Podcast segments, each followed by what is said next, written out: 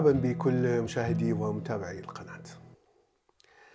اليوم نتكلم عن مفهوم الجمال في علم النفس وبشكل عام لماذا نرى بعض الأشياء جميلة وبعض الأشياء غير جميلة. عندما كنت مراهق أتذكر بأني كنت أتساءل لماذا منظر الطيور أو الزهور جميل جدا ويعني يبعث بالسرور والراحة عند الإنسان بينما منظر مثلا الحشرات الصراصر إلى آخره تعطي شعور ب ليس فقط قباحة ولكن شيء قريب من الغثيان. وكنت أفكر أن هل هناك تشكيلة معينة من الخطوط والدوائر أو الرسمة هناك شيء معين يجذب الإنسان نحو ما يعتبره جميل. وهذا يعني كان قريب من فعليا ما اكتشفه علم النفس وخاصة علم النفس التطوري. في البداية نقول أن الجمال نتعلمه من خلال الثقافة الاجتماعية. لا أعتقد أنه شيء يتوارث من الجينات أو شيء غريزي. لأن هناك اختلاف في معايير الجمال عند الثقافات وحتى في تاريخ الإنسان. لكن ما نراه بشكل عام أن أي شيء نعتبره جميل هو فعليا شيء يساعد على البقاء، فهو يغذي غريزة البقاء والحياة عند الكائن الحي أو عند الإنسان.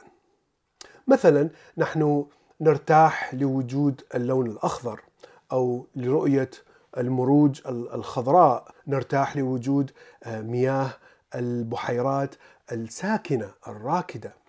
نرتاح لوجود جريان النهر، وهذه كلها تعطي إشارات بأن هناك ماء نستطيع أن نشربه، الخضرة تعني هناك طعام، هناك محتمل حيوانات نستطيع أن نصيدها ونأكلها.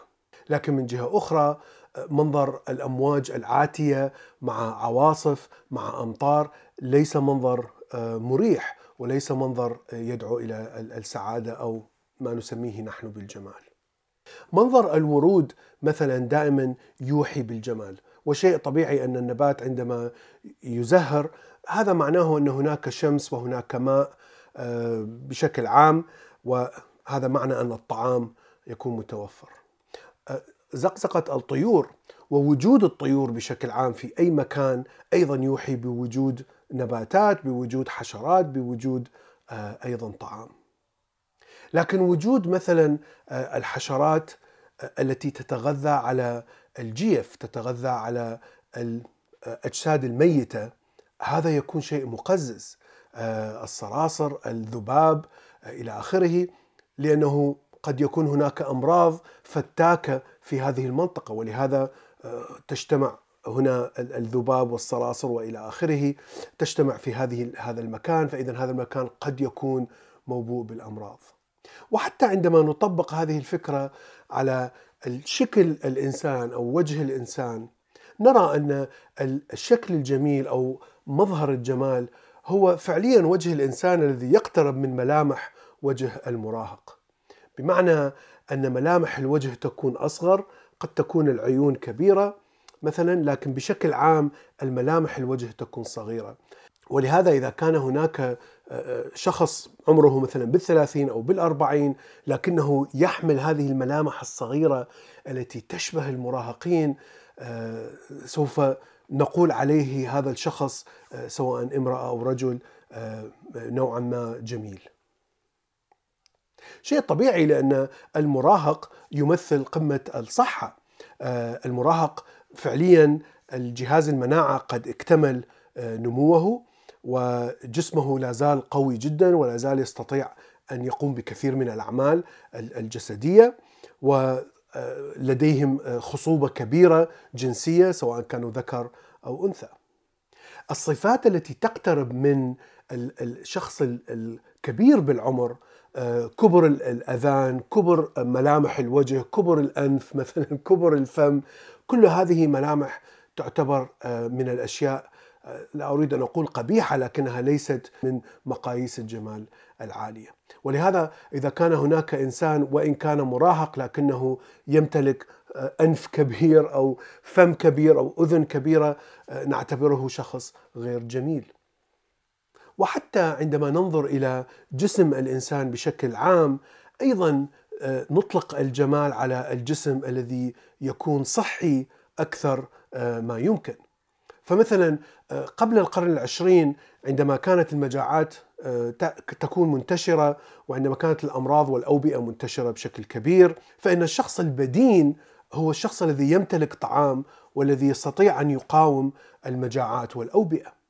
فإذا هذا الشخص كان يعتبر هو الشخص الصحي ولهذا كان هناك انجذاب إلى الفتاة أو الفتى البدين. البدانة كان شيء جيد وشيء جميل.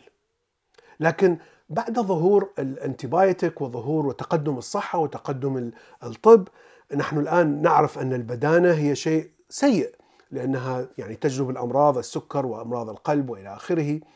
فهنا تحولت البدانة إلى شيء قبيح وأصبح النحافة طبعا ليست نحافة شديدة لكن نحافة بتناسق معين آه، أصبحت هذا هو الجمال وهذا هو الشيء الجميل حتى يرغب كل الناس للوصول إلى آه، آه، هذا الجسم النحيف ممتلئ العضلات.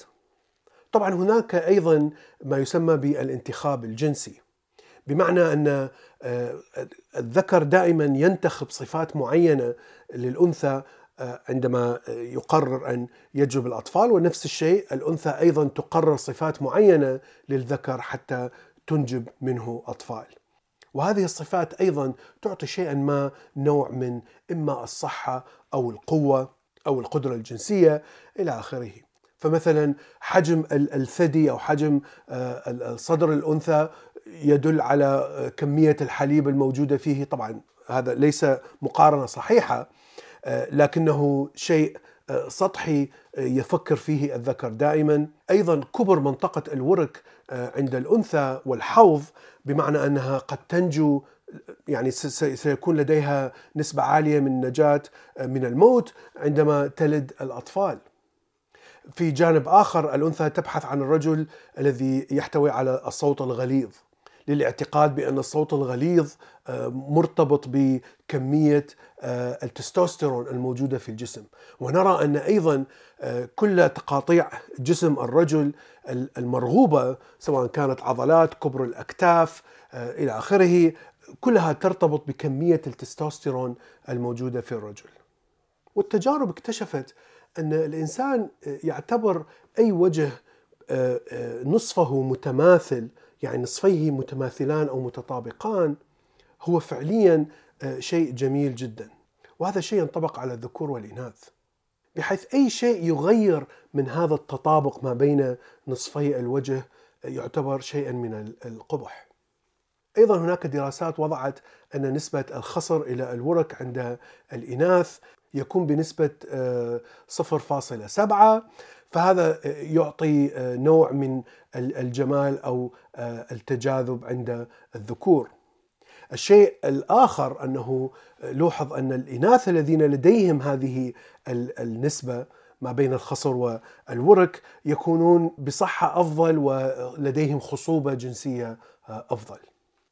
وهناك دراسات أخرى أوضحت أن التلاميذ الذين يملكون هذه مواصفات الجمال آه، يحصلون على درجات أفضل من آه، مدرسيهم آه، بنسبة 5 إلى 10% أكثر من الناس الذين جمالهم عادي.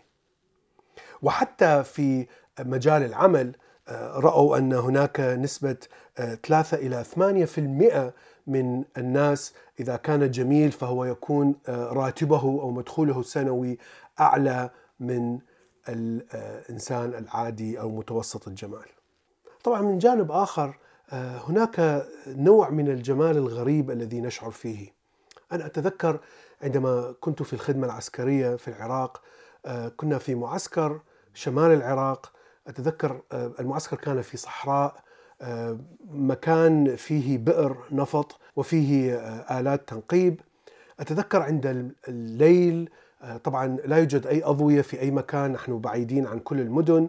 آه، السواد الشديد ونجوم ظهور النجوم في السماء وظهور شعلة النار من من مكان بئر النفط آه، والتي طبعا شعلة النار تبقى مشتعلة فترة طويلة جدا. هذا المنظر شعلة النار وسواد الليل كان منظر ساحر بالنسبة لي. وكنت أرى فيه يعني جمال آه، آه، لم أشاهده في حياتي. وفعليا أنا لم أشاهد أي منظر بهذا الجمال آه، إلى الآن. لماذا كان هذا السواد وهذا المنظر جميل جدا أو شيء ساحر بالنسبة لي. في الحقيقة لا أعرف هل تكون هي مشاعر الكآبة اللي كانت موجودة هناك أو مشاعر الإحباط؟ هل لأنه لا يوجد مستقبل في العراق؟ آه، في ذلك الوقت العراق خرج من حرب وكنا سندخل على حرب. قد يكون هو آه، شعور بالسكون أو الشعور ب آه، سكون أبدي أو صمت أبدي أقرب منه إلى فكرة الموت أو حتى الاستسلام إلى الموت. فقد تكون هناك دوافع نفسية نتيجة لاحداث نتيجة لافكار تعلمناها توحي لنا بجمال أشياء معينة آه، قد تكون هي ليست جميلة بالنسبة لعامة الناس إذا أخذنا مثلا معدل لثقافات آه، جميع الشعوب. هذا ما أردت أن أقوله اليوم. شكرا لكم وإلى اللقاء في حلقة